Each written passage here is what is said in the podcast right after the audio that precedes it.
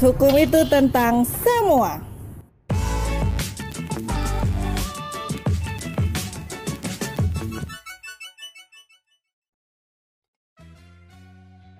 Kembali lagi di Hits Hukum itu tentang semua Bersama saya Antonio Bagas Dan saya dia.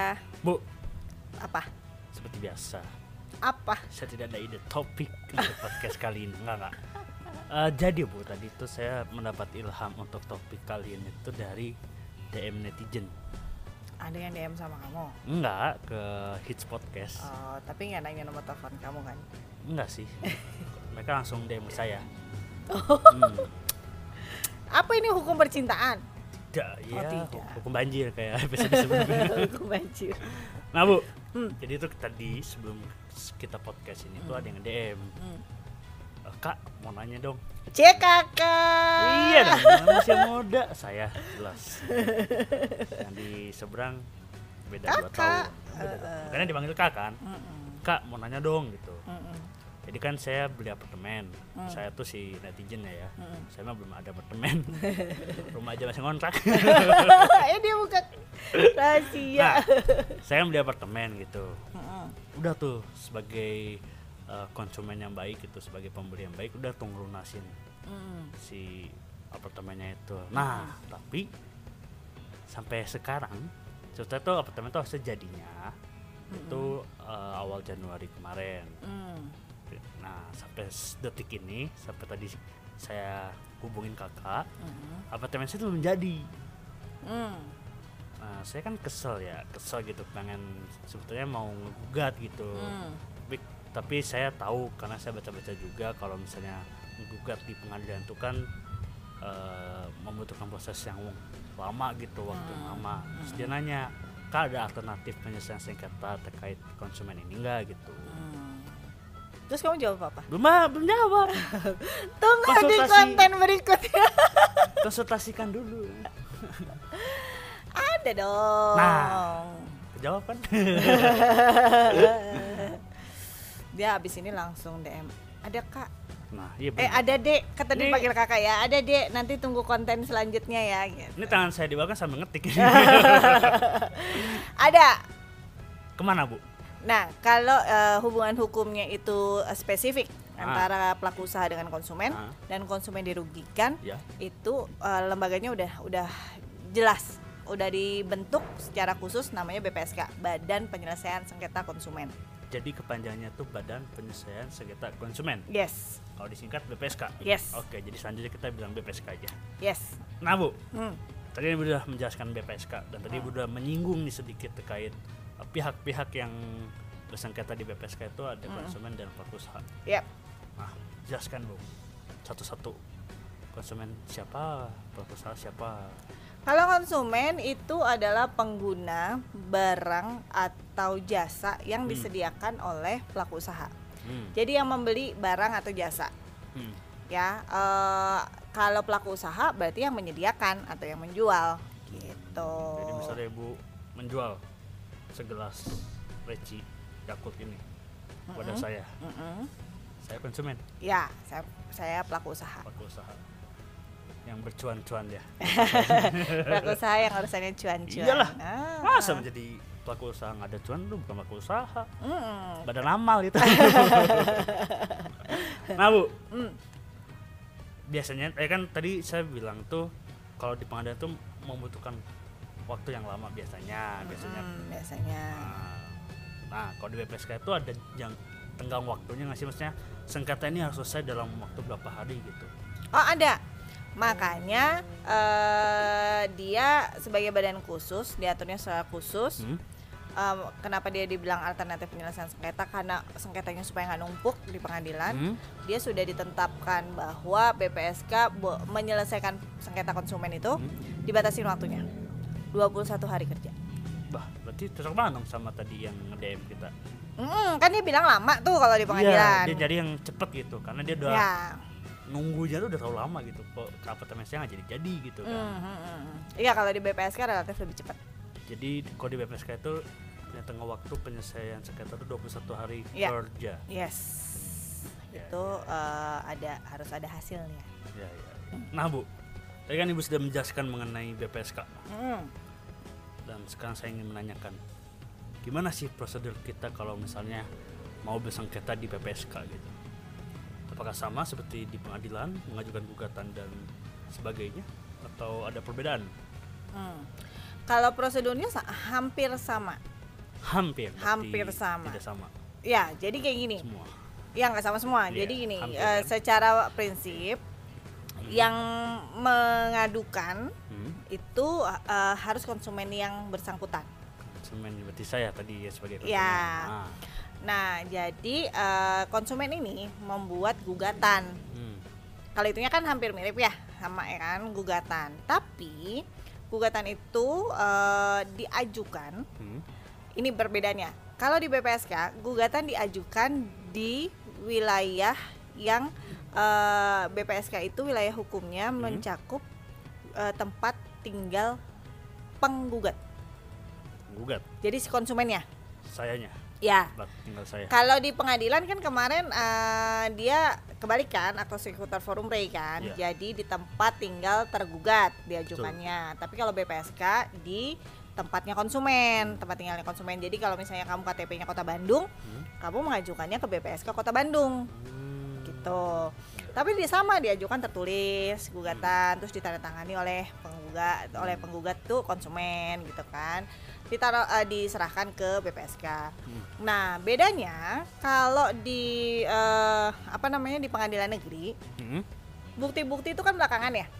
ya Ya kan? Iya. Jadi maksudnya ada nih ada mekanisme pembuktian nanti kan. ada sidangnya lah Iya, pas khusus sidangnya. pembuktian gitu Ya, tapi kalau di BPSK itu eh, harus disertai juga bukti-bukti awal. oh. Nah, gini, namanya sengketa, sengketa itu si konsumennya itu harus harus punya kerugian, harus menderita kerugian atas perilaku pelaku usaha. Jadi dia menggunakan barang atau dia menggunakan jasanya pelaku usaha, dia menderita kerugian. Hmm. Gitu kan. Nah, itu eh, dilampirkan tuh buktinya dari awal Hmm. bahwa kerugiannya itu eh, sebesar berapa, kerugiannya berupa apa, itu ada lampirannya. Ya sebenarnya sih sama ya kalau format gugatannya sama, bedanya ya itu aja. Jadi eh, apa namanya diajukannya di wilayah hukum BPSK tempat tinggal penggugat, lalu ada bukti yang dilampirkan Hmm. gitu, terus kronologisnya. Nah biasanya karena kan konsumen ya, Iya. kalau konsumen ini dianggapnya di posisi yang lebih lemah dibandingkan pelaku usaha. Iya. Jadi kalau di BPSK itu biasanya ada formnya. Oh, sudah ada template Ya ada ya BPSK. ada template-nya, ada formnya, jadi tinggal bisa diisi sama iya, konsumennya. iya, iya. Kalau ke pengadilan itu kan kita boleh kalau mengajukan lisan kita boleh cerita kan kita Betul. cerita kita sampaikan secara lisan Secara lalu nanti ketua pengadilan akan eh, menuangkan secara tertulis Hmm. karena pada prinsipnya diajukan tertulis kan Hmm. nah tapi kalau di BPSK itu tertulis sudah pasti sudah pasti tertulis. iya karena sudah dikasih form gitu kan ya dikasih form iya iya iya, iya. gitu jadi lebih lebih enak ya maksudnya lebih jelas gitu kalau misalnya kita ke BPSK eh, udah dikasih form apa aja harus diisi gitu kan Mm-mm, Soalnya mm-mm. kalau misalnya gugatan kan eh, tergantung sepengetahuan eh, penggugat aja gitu kalau misalnya Mm-mm. gugatan tuh isinya apa aja gitu kan Ya, karena kan kalau di BPSK ini eh, menempatkan bahwa tidak semua konsumen ini orang hukum. Betul Jadi mendrafting eh, gugatan itu eh, Semudah- sesederhana iya, mungkin. sesederhana Iya. mungkin. Mm-mm. Bu Mm. Ya kan ibu sudah menjelaskan mengenai prosedur. Kalau kita mau bersengketa di BPSK itu harus mengajukan gugatan beserta alat buktinya, Mm-mm. gitu kan. Nah bu, terkait metode penyelesaian sengketa di BPSK itu ada apa aja sih? Setauku sih ada lebih dari satu. Iya benar, ada tiga. ada tiga kan? Hmm. Nah betul berarti saya. Jadi eh, ada mediasi, Hmm? ada konsiliasi, ada Mm-mm. arbitrase. Bedanya apa aja tuh bu dari ketiga itu? Bedanya, kalau Iya. mediasi sama konsiliasi itu eh, nggak ada persidangan. Hmm. duduk bareng, duduk bareng, Baik-baik ya baik-baik menyelesaikan secara damai. Ya, ya, Nah, ya, ya, tapi ya. kalau misalnya eh, itu tidak terjadi, eh Hah? tidak tercapai, Hah? barulah dia boleh melakukan upaya hukum Hmm, yang lain. Tapi kalau arbitrase itu kayak persidangan pada PN, ada ha- eh, hakimnya tiga, hmm. Ada PP-nya, Hmm. nanti dihadapkan lah itu pelaku usaha sebagai eh, pelaku usaha sebagai tergugat, konsumennya tadi kan penggugat. Nah kalau eh, kan tetap yang dikedepankan kan adalah eh, perdamaian kan? Iya, karena BPSK itu yang diutamakan tuh musyawarah untuk mufakat. Ya, tapi kalau di arbitrase Hmm. perdamaian ini tidak tercapai, artinya masih masih bersikeras pada Ah, posisinya iya, iya, masing-masing iya, iya. dengan alasannya masing-masing, eh, itu eh, majelis hakim bisa memutus Hmm. dan putusannya mempunyai kekuatan hukum yang tetap. Iya, iya. Jadi Begitu. para pihak harus melaksanakan putusan dari Ya, putusannya final and binding, Final and binding. Mm-mm, Nah, jadi Bu. bisa langsung dilaksanakan. Bu, bu, bu. Mau nanya pak, pak. Setauku nih ya, Bu ya. Mm-mm. Setauku nih, kan Hmm. saya belum pernah berpengalaman.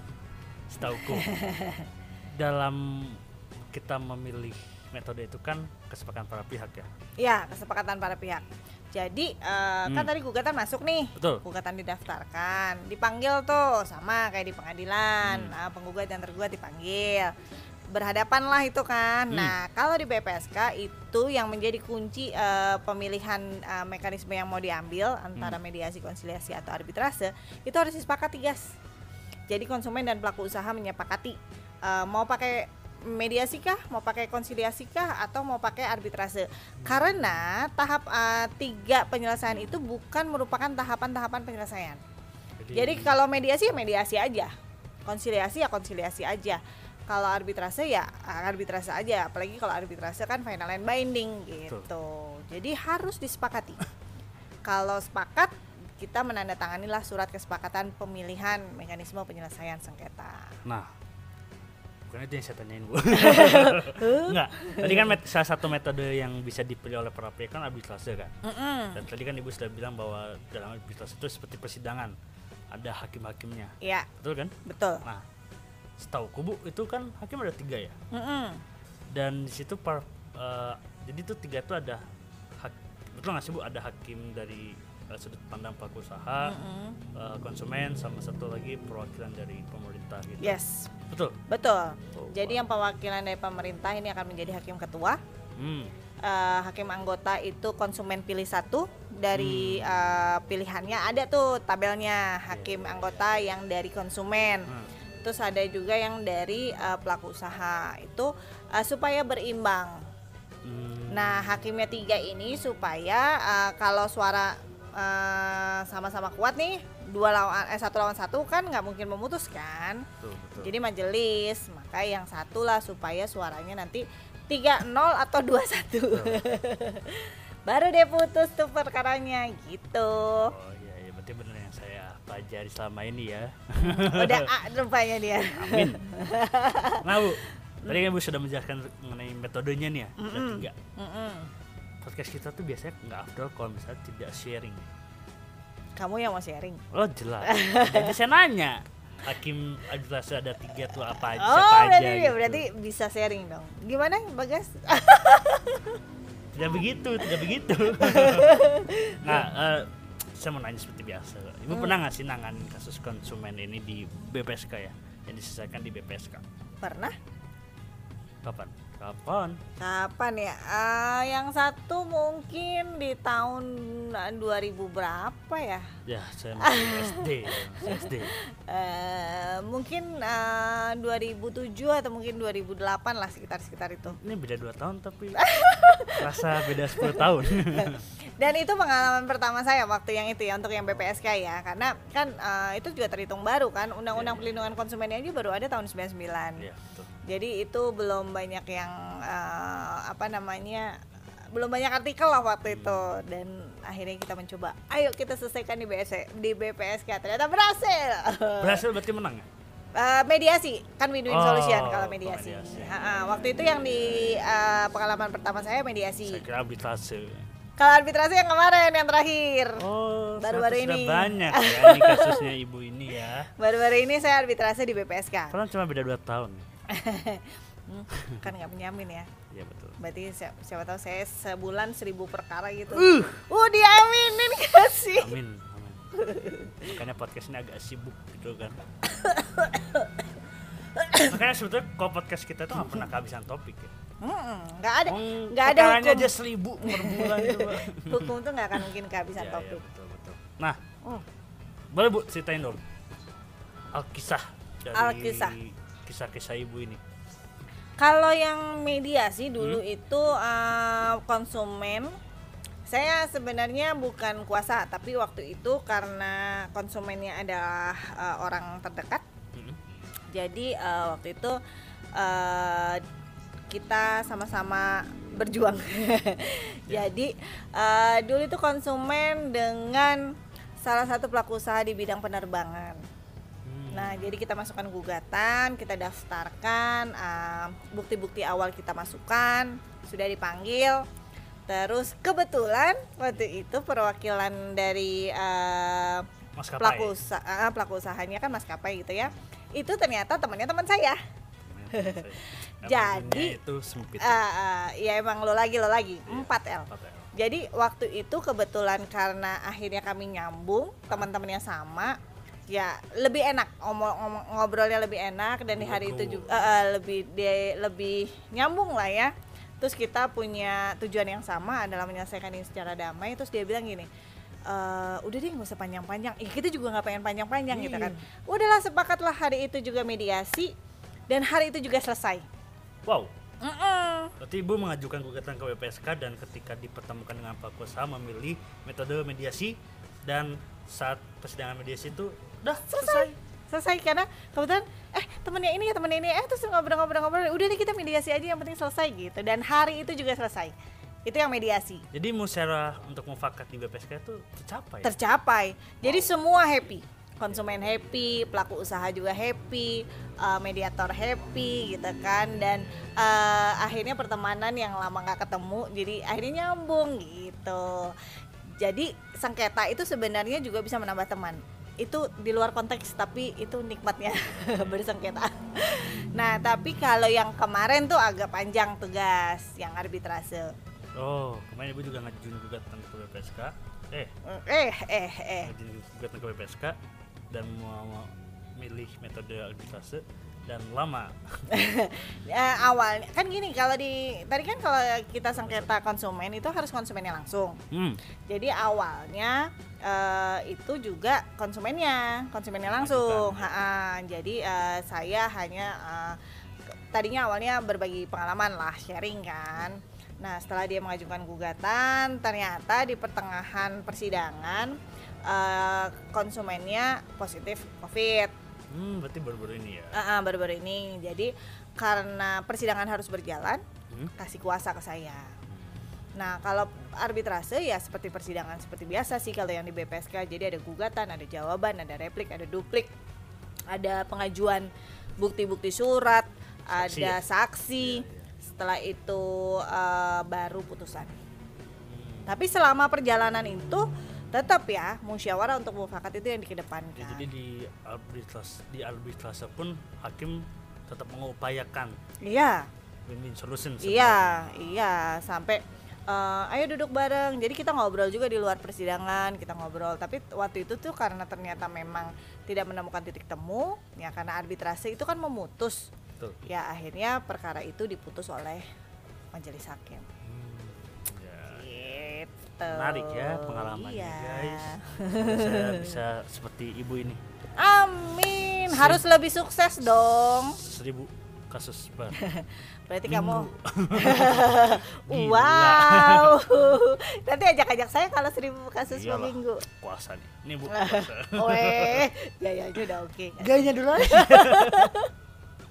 Oke, bagi teman-teman nih yang masih penasaran terkait atau seputar BPSK nih, Mm-mm. terus atau mungkin mau nanya lebih lanjut terkait eh, prosedur eh, ke BPSK itu seperti apa gitu kan. Karena kan sebenarnya kalau kita menyelesaikan sengketa konsumen di BPSK itu eh, diutamakan eh, musyawarah, musyawarah untuk mufakat kan. Betul. Gitu. Jadi ya is- kalau bisa win-win solution kenapa tidak gitu kan. Ya. Nah, langsung aja bisa DM ke seperti biasa saya di Antonio underscore Bagas Dan saya diah.hits atau bisa langsung DM di IG kita hitspodcast.official. ya, itu bisa DM bisa Facebook juga sama Mm-mm. dan dan dan jangan lupa untuk tetap subscribe like like dan komen komen klik loncengnya supaya tahu kalau ada konten terbaru dari kami berdua dan follow Juga. IG-nya nemu temen kopi boleh janjian kalau kita mau ngopi bareng uh, Betul. dengan prokes yang ketat uh, kita bisa ngobrol tentang hukum dan dan dan dan dan. Lagi-lagi promosi sedikit.